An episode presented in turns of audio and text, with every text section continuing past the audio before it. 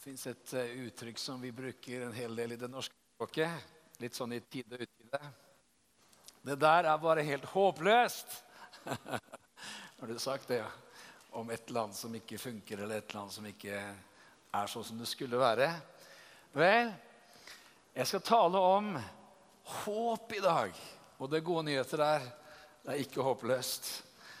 Det står nemlig sånn som dette i Romerne kapittel 4 og vers 18. Og jeg leser et sånt godt avsnitt der.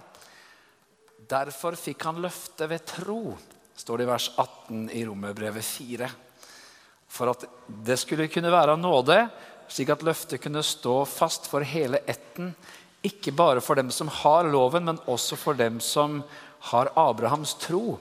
Han er jo far til oss alle slik det står skrevet. Til far for mange folkeslag har jeg satt deg.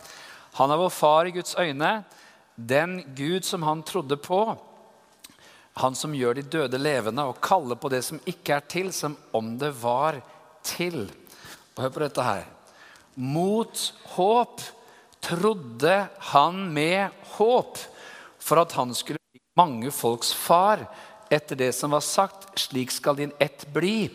Uten å bli svak i troen tenkte han på sitt eget legeme, som alt var utlevd. Han var jo snart 100 år. Og på at Saras morsliv var utdødd.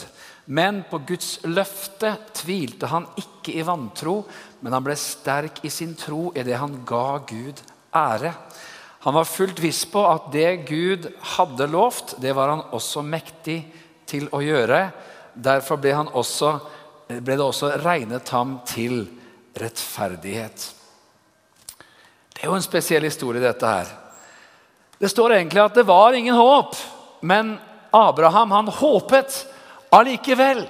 Mot håp trodde Abraham med håp. Og i 2011-oversettelsen av Bibelen så står det selv om alt håp var ute, så holdt Abraham fast på håpet og trodde og Derfor ble han far til mange folkeslag, som det var sagt til ham. Så tallrik skal etten din bli. Du vet, Her fins det mange ting å si, og vi skal forsøke å nevne noe av dette her.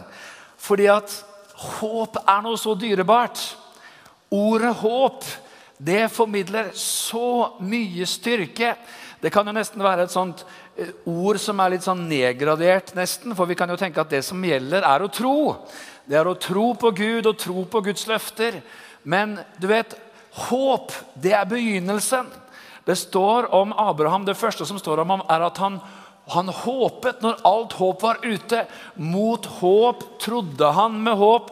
Det var altså ingen grunn til å håpe, men han håpet allikevel.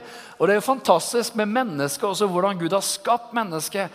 At liksom, selv når omstendighetene kan være veldig vanskelige, og ting kan se veldig dystert ut, så har Gud skapt oss med en evne til å bære håp i vårt indre.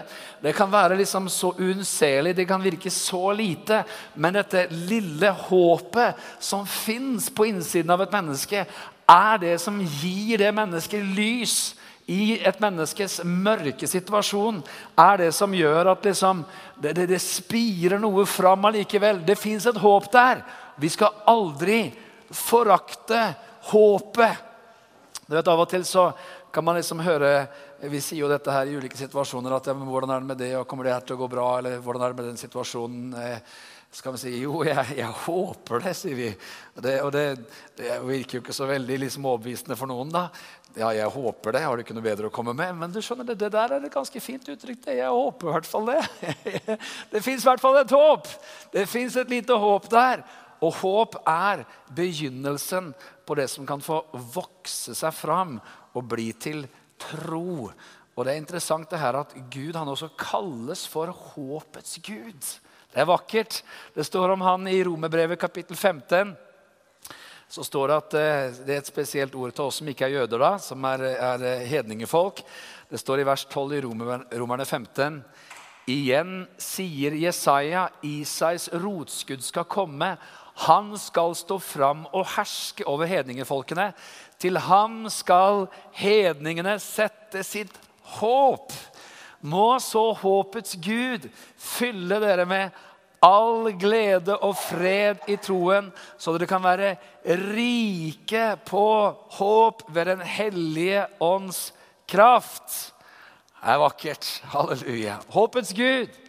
Håpets Gud. Til han skulle hedningene sette sitt, sitt, sitt håp, sette sin lit. Det er jo ganske forunderlig, det greiene her. Vi var jo en gjeng med hedninger som eh, var langt unna alt som heter eh, løfter og, eh, og, Guds utvelgelse. Men vi har fått håp i Gud. Vi har fått håp ved evangeliet. Og, og det er veldig viktig å skjønne at den som er ute og, og snakker med mennesker om evangeliet, deler troen, er egentlig den som er ute og sprer håp. Det, det, er, det er mye håpløst der ute. Det er mange som liksom opplever at ok, Tilsynelatende så kan liksom livet se ut i ulike omstendigheter til å gå på skinner, og alt synes, det er, synes å være greit. Men så skjer det ting, så kommer det ting, og så blir liksom håpet borte. Og så, så, så, blir det mørkt og så blir det vanskelig. Vet du hva? Evangeliet gir håp til mennesker.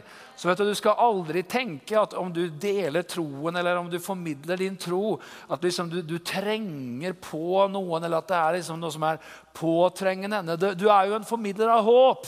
ikke sant? Det er vakkert å kunne si det. og Det kan jo være at noen ikke liksom syns så veldig mye om at du har, er blitt så veldig troende. Men det er jo godt å kunne si at ja, det er, blitt, det er blitt håp for meg også. Det er herlig. Og det tales til og med at vi håper på halleluja, et liv på andre siden, et liv i evigheten, et liv med Jesus. Vi lever ikke lenger bare for det vi kan se, ta på og føle. Livet er liksom ikke bare et, et strev eller et forsøk på å liksom dytte nyte tilværelsen full av opplevelser mellom 0 og 100 og prøve at det blir så mange liksom, erfaringer som mulig. ikke sant? Been there, been there, done that, got the T-shirt. Eh, jeg mener, Hvis livet bare var opplevelser og forsøke å ha så mange fine opplevelser som mulig, eh, så, så, blir vi jo virkelig eh, fortvilet til slutt. For, for livets korthet det står jo for oss alle. Eh, og nå ser vi at de som leder an ikke sant, i sånn livsforlengelseseksperimentering eh, eller, eh, eller, research, det er Silicon Valley. ikke sant? De har, de har, virkelig gått inn for det her nå. Disse som driver Google og Facebook og, eller Alphabet, det store selskapet som driver, driver Google, og, og, mange av disse her svære liksom, Eh, leverandørene av, av, den digitale eller elektroniske verdenen, de pøser inn milliarder milliarder, milliarder av penger på at man skal kunne leve lenger. Eh, og Det er liksom det siste nye nå i Silicon Valley det er at disse, disse eldre karene de skal få blodoverføringer fra unge mennesker. Om, er, eh, om, om, de er syke eller ikke syke, eller trenger blodoverføring eller ikke trenger blodoverføring, så har det kommet en sånn ny trend om at liksom, kanskje det kan være med på å gi oss litt mer vigør og litt mer styrke. Mye rart som skjer. Så hvorfor er det? Jo, for det fins liksom sånn, sånn, jo bare et eller annet i, i menneskets indre som bare nekter for at det kan jo liksom ikke ikke bare være og leve liksom, eh, noen år og så eh, ete, jobbe, sove, ete, jobbe, sove, fest, ete, jobbe, sove, ete, jobbe, sove, og så dø, ferdig, sort høl. Det fins et eller annet som vil leve lenger. Men uansett hvordan man bestrever seg på å leve lenger, så blir det, om du så skulle dra det til 120, så er det kort. Men vi har et håp om en evighet. Vi har et håp om en evighet i himmelen. Wow! Halleluja. Så vi, vi sprer håp, vi. Vi tilhører håpets Gud, og vi sprer håp der hvor vi kommer. Og Det står også om, eh, om, om dette i 1. Eh, Peter, et par vers. 1. Peter 1, 21, så står det at ved ham er dere kommet til tro på Gud, han som reiste ham opp fra de døde og gav ham herlighet. Derfor er deres tro også håp til Gud. Og Det står også om eh, kvinnene. Det er jo snart Jesus kvinnekonferanse i 1. Peter 3,5.: Slik smykket de hellige kvinner seg i tidligere tider, de som satte sitt håp til Gud. Disse her kvinnene, du, som, som Sara du, og mange av disse her spesielle kvinner, de satte sitt håp til Gud. De var annerledes kvinner. Jesus-kvinnene de har satt sitt håp til Gud. Derfor så lever de annerledes. Men det som er fantastisk, det er jo dette her med at håpet kanskje synes å være tydeligst eller være viktigst når alt håp synes å være ute. Jeg vet ikke hvorfor det er sånn, men det liksom synes igjen og igjen og igjen. Som om Gud bare elsker å komme når det ser ut som det ikke er mer håp. Da kommer han. Liksom, når, når vi har liksom check, check, check, check Vi har prøvd alt, tenkt alt, forsøkt alt. Vi har liksom bare gjort alt vi kunne. Og så ja, men det her er jo nesten håpløst. Jeg har forsøkt alt, jeg har prøvd alt. Det går ikke. Hva skal jeg gjøre for noe? Så kommer Gud. Ha-ha. Han elsker å komme når det ikke er mer håp menneskelig sett. Og Vi leser om dette, og vi skal komme litt tilbake til det, hva det egentlig gjør med oss. Men Hebreerne 6, 11, så, så står det Men vi ønsker at hver og La meg få gi dere tid til å finne, dette, finne fram dette her nå. da. Hebreerne kapittel 6, unnskyld. Hebreerne kapittel 6 og vers 11. Så står det Men vi ønsker at hver og en av dere må vise den samme iver etter å ha den fulle visshet i håpet inntil enden. Så dere ikke blir sløve, men følger etter dem som ved tro og tålmod arver løftene. La oss bare hoppe et, et, et hakk tilbake her innimellom. Det står i Hebrevet kapittel 11,1 et uttrykk som ligner. Ha den fulle visshet i håpet inntil enden. Hebreerne 11,1 sier tro er full visshet om det en håper. Overbevisning om ting en ikke ser. Kanskje vi kan kalle håp for troens mor. Det begynner med håp. For der det finnes et håp, der begynner vi å håpe. Og der håpet vokser, så blir det til tro, som igjen blir full visshet, overbevisning. Det begynner med håp, med andre ord. Vi leser videre i Hebrebrevet kapittel 6. Vi skal altså ikke bli sløve, men vi skal følge etter dem som ved tro og tålmodighet arver løftene. For da Gud ga Abraham løftet, sverget han ved seg selv. Han hadde jo ikke noe større å sverge ved, og sa sannelig, jeg vil rikt velsigne deg og gjøre din ett tallrik. Og da han slik hadde ventet tålmodig, oppnådde han det som var lovt. Dette er jo liksom ikke noe som, som påkaller de største ovasjoner normalt. fordi det er jo liksom ikke sånn at de fleste av oss syns det er fantastisk å vente. Jeg vet ikke hva det er for noe, liksom, men, men det er jo liksom det, det, det, det å vente er vanskelig. ikke sant? Og når man er fire år og vil ha godteri, og, og mamma sier ja, men det kan du få på lørdag Lørdag, liksom? Det er jo tirsdag. Det, det er veldig lenge å vente. Og det er klart at det Bibelen sier her, er kjempeviktig. Det står at tro og tålmodighet arver løftene. Ikke bare tro, men tro og tålmodighet. Er, glad, er det noen som er glad for å vente? Vi sier jo det i det norske språket 'den som venter på noe godt, venter ikke forgjeves'. Men det kan være at vi som er her i 2017, er historiens mest utålmodige generasjon.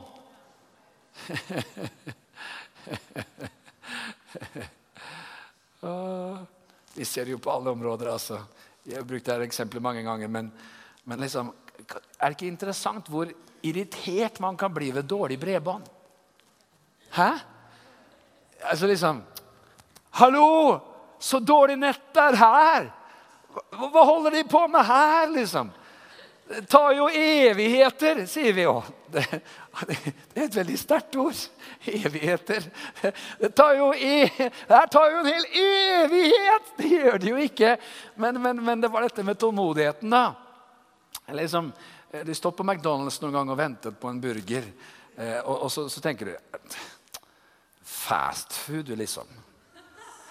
Det er jo ikke fast på en plass. Liksom, du kan kjenne, og så ser du liksom at køene vokser, og de stakkars damene og herrene som står bak der, de holder på og steker burgere for liv og fikser og ordner og skal liksom tilfredsstille din appetitt. ikke sant? Og så, så står du der og bare er så irritert Selvfølgelig ingen her som har opplevd det, men det fins enkelte andre som opplever dette. Og til slutt så liksom begynner du å komme med sånne meldinger og kommentarer. Og, skal, de slekt, skal de slakte hele kua der inne liksom, før jeg får burgeren? Altså, Fins det noen som kjenner noen som, som, sliter litt med tålmodighet sånn av og til? sånn innimellom i tilværelsen? Hæ?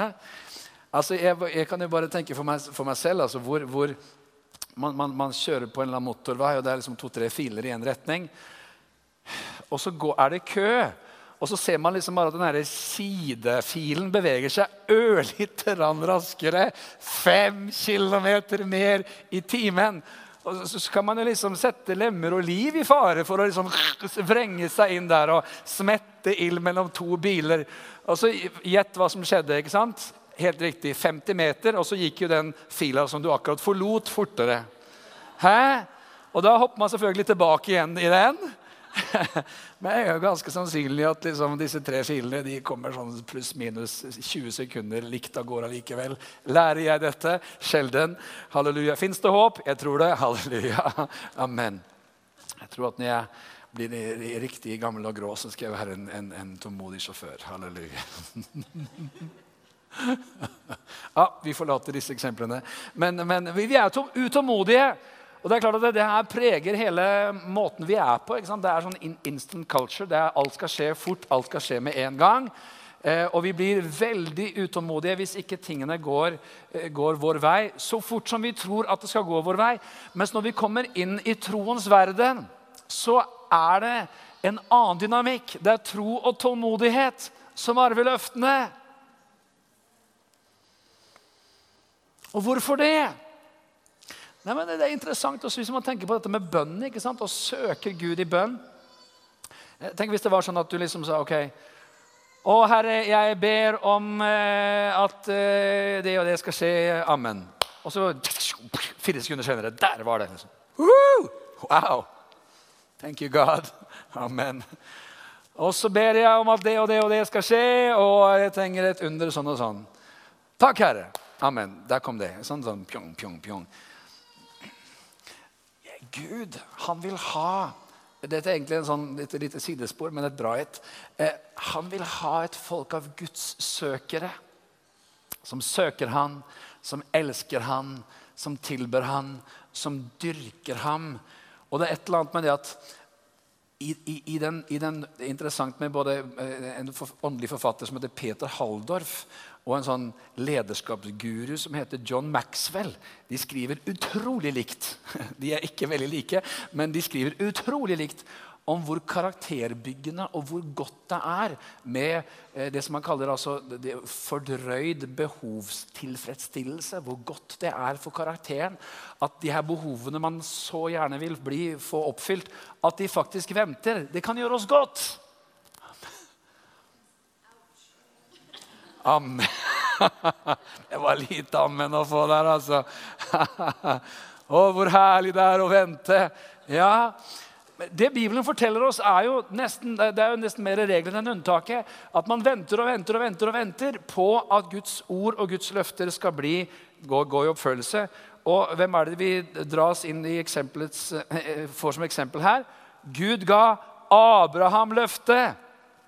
Abraham. Og vi vet jo liksom at Abraham han kommer til det punktet hvor det er over. Det er ikke noe håp. Ikke sant? Og Det er fascinerende å lese ikke sant? Hvordan, hvordan han diskuterer med Gud og sier Herre, Elieser fra Damaskus han får arve meg. Sånn får det bli bare. Og Gud sier nei, nei, nei, nei, jeg har en helt annen plan. Kom ut av teltet her nå. Gå ut av teltet, lukk opp på stjerne, se på stjernene. Look up på. Nå har jeg preka mye på engelsk. Look at the stars. Se på stjernene. Se til! Sånn skal slekta di bli. Overveldende en million er jo helt voldsomt her. Han trodde Gud, og det ble tilregnet ham som rettferdighet. Gud møtte han, men jeg mener, jeg mener Gud måtte jo liksom gjøre så drastiske greier med Abraham at han til og med måtte kalle seg et annet navn. ikke sant? Han måtte gå rundt og si at han het far til mange folk istedenfor det som egentlig var navnet hans. Og det måtte jo være skikkelig pinlig hver gang noen spurte «Wow, for et heftig navn, og hvor mange sønner har så du?» ja, ja, litt detaljer her. Vi har vel ikke så har egentlig ikke det. Men, men et flott navn! Vi er litt rare, vi som tror. skjønner Vi folk som går rundt og håper på Gud og tror på Gud. Vi, vi, er sånne som Abrahams eksempel, som, som, snakker om det som ikke er til, som om det var til. Sånn snakker jo romerbrevet. Og hva er det som skjer når vi blir utålmodige? Vi forsøker å fikse ting selv. Åh. Og Det gjør selvfølgelig Abraham vet du, med god hjelp av Sara. du, Går inn i feil telt. ikke sant, og Hagar og Ismail, og det blir veldig mye styr. altså. Veldig mye styr. Ismail har en sånn stygg tendens til å dukke opp rett før løftet skal gå i oppfyllelse. Da dukker Ismail opp. Woo! Here I am! Oh, oi, det var fristende. Oi, det var fristende. Og da gjelder det jo å være tålmodig. Og fortsatt bære håpet i sitt hjerte.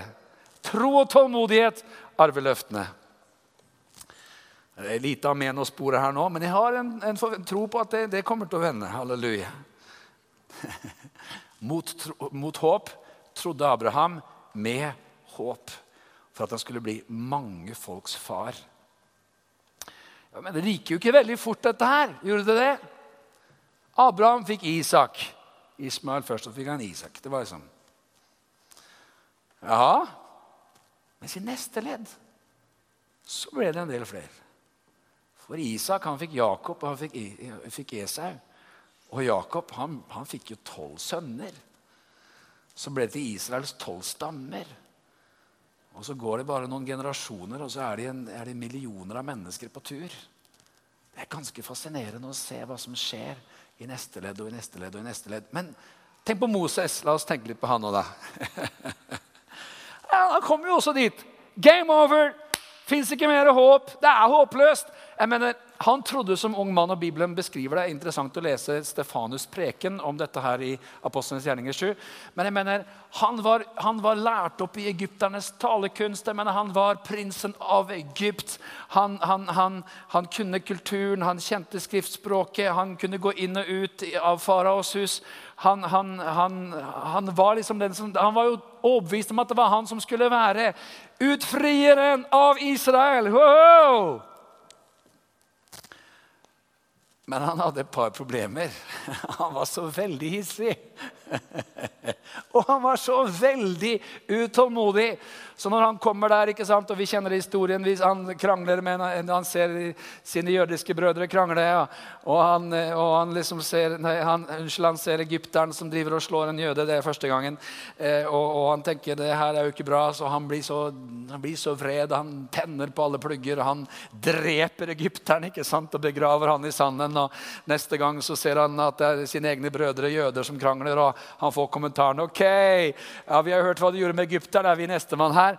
Jeg mener, Gud må jo ha tenkt at det her kommer ikke til å gå bra. Hvis denne mannen skal lede millioner av jøder tilbake til det lovende landet, så kommer det til å bli en slakt innen de er framme.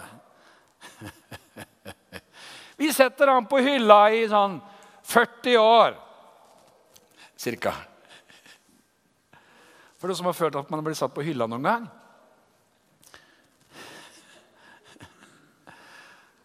Når alt håp er ute, og Moses er der liksom og, og Gud han, han, sender han ut med fårene. Han får gjete får, han og prinsen av Egypt. Hvis han slår i hjel dem, så går det greit. liksom. Det blir bare fårikål likevel. så det, det, det, kan vi leve med. Så får han være der ute i ørkenens skole, og så får han lære seg tålmodighet. Og Til slutt så er alt håp ute, og så kommer Gud og sier, 'Moses, jeg kaller deg.' 'Hæ? Du kaller meg?' ja, nå har jeg formet deg sånn som jeg vil at du skal være. Det skjer igjen og igjen. Tenk på Josef, da. Som har fått de drømmene, de visjonene, det kallet ikke sant, om å være den lederen. Og som blir solgt som slave av sine egne brødre. Det er miserabelt. Og Så kommer han til Egypt, og så blir han solgt til Potifars, eh, Potifar, som er en leder i Egypt. Og det er klart at Guds favør og Guds nåde er over han, så han stiger i gradene. og Han blir liksom leder for hele husholdningen der. Og han kan jo liksom da tenke ok, ting begynner å gå min vei allikevel. Det begynner å bevege seg. Wow, det, det kan jo se ut som jeg kan bli en leder. Og så kommer det her setbacket. Sånn, Nei, du! Anklaget for å for, forsøke å for, forføre Potifars kone. Havner i fengsel og kanskje sitter der og tenker nå er det game over. Det er slutt. Det er slutt. Det er ikke noe mer håp her nå. Jeg sitter i et egyptisk fangehull. Jeg får lyst til å si fangehøl. Jeg er fra Tønsberg.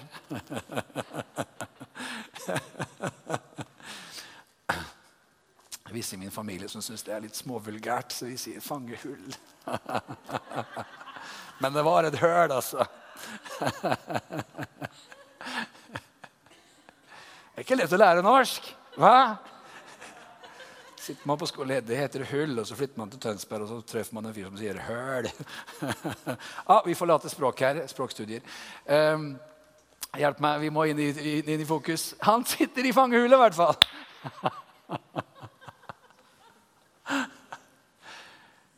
Det er håpløst. Det har ikke begynt engang. Eventyret har knapt begynt. Og Gud tar han fra fangehulet til å bli statsminister i Egypt. Helt forunderlig. Det er vakkert. Det skjer igjen og igjen. Tenk deg disiplene, da. Som har liksom gått nedover langs Oljeberget og hørt folkets rop. og Selv så roper de, og de, de står på skikkelig. og Fariseerne er kjempeprovoserte og sier at nå må du be disse her disiplene om å holde fred. Og Jesus svarer i Lukas 1940 om disse tider så skal steiner rope. Her skal det ropes, folkens! Så de fortsetter å rope Hosianna, og jeg mener alle hyller dem. og oh, hey, We are in his crew! Dette er kjempebra. Nå kommer han, Messias, og vi er i hans regjering. Han kommer og tar over. Og så går han inn i tempelet med en pisk.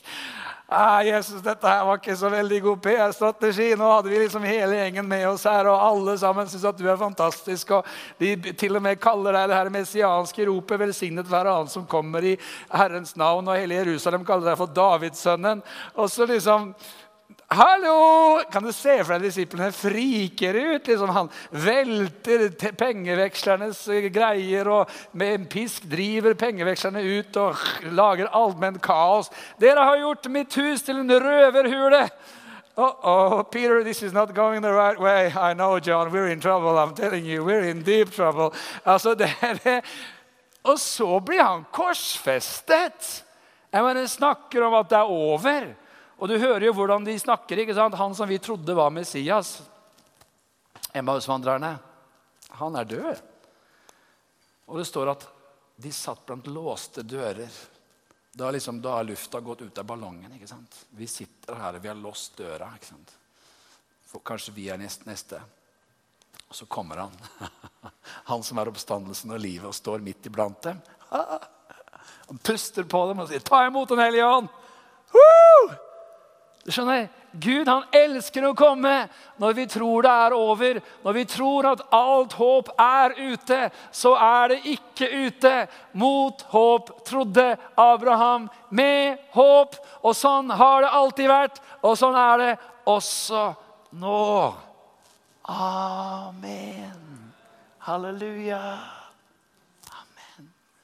Vi kan jo bli så frustrert, du og jeg, i våre egne liv. Ting som vi har drømt om, og ting som vi har sett for oss, og profetiske ord vi har fått. Da. Så begynner vi å liksom tvile på det her. Og, Nei, det var sikkert ikke Gud. Og. Så kanskje vi slutter opp med å drømme.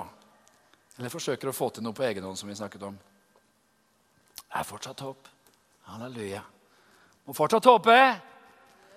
Halleluja. Det står i Lukas 8, 15, Nå siterer jeg bare noen skriftsteder ganske, vers, eh, ganske, ganske, ganske raskt. Eh, men det den gode jord, det er de som hører ordet og holder det fast i et vakkert og godt hjerte og bærer frukt i tålmodighet. Halleluja. Romerbrevet kapittel 8 sier i vers 25.: Men hvis vi håper på noe vi ikke ser, da venter vi med tålmodighet. Jakob 1,3 sier, 'Dere vet at når troen blir prøvd, virker det tålmodighet.' La meg gi et par eksempler på mennesker som har opplevd en veldig lang reise for å se at håpet gikk i oppfyllelse, og som har opplevd så mye motbør. Den første er William Wilberforce engelskmannen som ble født i 1785. Hans far døde da han var ung. Oi, 1785 det ble han på ingen måte født. Han ble født veldig mye tidligere. Han, eh, han døde i 18, 1833 i hvert fall. 1700-tallet. Hans far døde som ung. Han ble oppdratt av sin onkel og tante. Og Tanta var en sterk tilhenger av John Wesley og metodismen. Han ble parlamentsmedlem. Men så ble han frelst. Og Det er utrolig vakkert å lese historien hans eller se filmen om livet hans. noen som har sett den, Amazing Grace, en nydelig film. Eh, han ble en evangelisk kristen. Kommer i skikkelig sånn samvittighetsnag. Skal jeg fortsette i politikk? Skal jeg ikke gjøre det? Han rådførte seg med en som het Newton, John Newton, som er han som skrev 'Amazing Grace'. Eh, og som også jobbet med slavehandel. Han sier, Nei, det er nettopp det du skal. Du skal fortsette i politikk, du skal fortsette å arbeide. Og det som blir hans livsprosjekt, det er slaveriets eh, avskaffelse. Men det er sånn motbør. Han er så alene. Det er så få abolisjonister som vil avskaffe slaveriet. For dette her er en pengemaskin i det britiske imperiet. De tjener så store penger. Men denne mannen gir seg ikke. Og han arbeider i 18 år. Driver lobbyvirksomhet. Han fremmer forslag. I begynnelsen er det bare han og noen få andre som stemmer for det. Men, men han blir så overbevist om at dette her skal, se, skal skje. Han sitter i Underhuset i, i, Storbritannia i 45 år. Fra 1780 til 1825. Og jobber med dette her. Helt fra 1787 så arbeider han med å få opprevet slaveriet. Etter 18 års virksomhet så, så, blir det altså forbudt med slavehold, men man kan fortsatt drive med eksport av slaver. Og hør på det her. Han dør i 1833 tre dager etter at slaveriet var blitt vedtatt avskaffet i Storbritannia. Han jobbet utrettelig helt til det siste.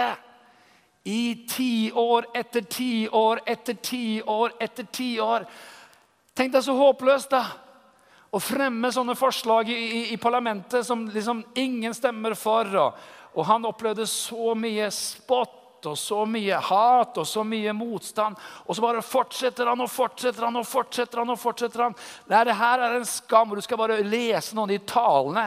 Du får liksom bare gåsehud når de leser de talene han har holdt i Underhuset. De blir så kraftige at, at eh, historien kommer til å dømme det som en stor skam for Storbritannia at vi kunne holde på med denne urett og denne umenneskelighet over så lang periode. Framtidens generasjoner kommer ikke til å fatte og begripe at vi holdt på med det. Sånn talte han når dette her var noe som var allment akseptert, og alle holdt på med, og det var en maskin som gikk så det dundret. Men vet du hva? Mot håp trodde han med håp. Og kan du tenke deg at han får beskjeden at nå er slaveriet avskaffet? Det er én manns utholdenhet, én manns standhaftighet, én manns kamp gjennom et liv. Så går det tre, tre dager, og så puster han ut sitt siste. Wow! Det er sterkt. Det er kraftig. Og disse folka her inspirerer oss. Tenk på den sørafrikanske presidenten Nelson Mandela. Den aller, aller første som ble valgt på demokratisk vis i Sør-Afrika av alle velgere, hvite og svarte, som sitter fengslet i 27 år på Robben Island og på to andre fengsler. Kan du tenke deg at denne mannen, advokaten, menneskerettighetsforkjemperen, ANC-politikeren, han står i tiår etter tiår og hakker gråstein på et steinbrudd på en øy utenfor Cape Town og mister ikke håpet. Kan du tenke deg? altså? Bevarer håpet på forandring bevarer håpet på at retten er på min side. Det kommer ikke til å være mulig at apartheid kan stå seg. De har tiden imot seg og bevarer håpet i tiår etter tiår. Slipper ut av fengselet og kommer i gang med å få gjort en avtale med FDD Klerk, som, som, som, eh, og det blir åpnet opp for frie valg. Og han går fra å være fange til å bli Sør-Afrikas president. Lever til han er 90 95 år. Og bare han viser seg rundt omkring på verden, som han gjorde mye de siste 15 årene av livet sitt, hvor han reiste mye rundt omkring forskjellige steder, så fikk jo de håpløse håp bare ved å se karen. Bare å høre navnet hans, bare å se bildet hans formidler. Håp, håp, håp! Amen. Og vet du hva? Du og jeg, vi tilhører håpets Gud. Og vi vil la oss inspirere av mennesker som har gått foran oss, og som har bevart håpet. I tøffe tider, i håpløse tider, så har de håpet allikevel. Og dette håpet til Gud har båret dem igjennom. Halleluja. Vi leser en gang til til slutt. Romerbrevet kapittel 4 og vers 18. Om Abraham. Mot håp trodde han med håp for at han skulle bli mange folks far. Etter det som var sagt, slik skal din ett bli. Uten å bli svak i troen tenkte han på sitt eget legeme som alt var utlevd. Han var jo snart 100 år og på at Saras mors liv var utdødd. Men på Guds løfte tvilte han ikke i vantro, men han ble sterk i sin tro Eller han ga Gud ære. Han var fullt viss på at det Gud hadde lovt, det var han også mektig til å gjøre. Derfor ble det også regnet ham til rettferdighet. Se på progresjonen her. Først mot håp trodde han med håp. Deretter uten å bli svak i troen. Så dette, her, dette håpet det fyller han med tro. Og det neste er på Guds løfte tvilte han ikke i vantro, men han ble sterk i sin tro idet han ga Gud ære. Og til slutt så står det han var fullt viss på at det Gud hadde lovt, det var han også mektig til å gjøre. Av og til så kan vi fortviles fordi at vi ikke er der hvor vi er fullt visse. Vi kan synes det er vrient når vi kjenner at jeg er ikke så veldig overbevist. Jeg har liksom ikke den sterke troen. Nei, vet du hva? Ikke bli fortvila. Ikke, ikke bli eh, rådvill. Men kjenn at Abraham kan få inspirere deg. At mot håp så håpet han allikevel. Og Så skjer det noe med den vandringen. Han ser Guds trofattighet, han ser Guds nåde. Og så begynner troen å vokse fram. Og så blir det til det som Hebrebrevet 11,1 beskriver, at tro er full visshet om det en håper overbevisning om ting en ikke ser. Jeg kan få lovsangene her, så Vet du, det her gjelder i våre liv enkeltvis. Jeg vet ikke hvordan det er i ditt liv, men i livets ulike situasjoner så kaller Gud oss til dette. Ikke gi slipp på håpet. Ikke gi opp håpet om forandring. Av og til skal man tenke om, om noen mennesker. De er håpløse! Helt håpløst! Der er det ikke håp. Nei, vet du hva? Det er håp. Jeg har selv sett i, i mennesker som har stått nær meg. Det har sett så håpløst ut i forhold til tro, i forhold til om de skulle velge å følge Jesus. Men vi håpet allikevel. Halleluja. Og mot alle odds så snur det, så vender det. Det kan være relasjoner, det kan være situasjoner, det kan være liv, det kan være tjeneste, det kan være eh, i en arbeidssituasjon. Det kan være så mange ting. Det kan være prosjekt som du har tro på. Og du kjenner ja, nå mister jeg håpet. Vet du hva? Gud han fyller oss med håp igjen. Halleluja. Amen.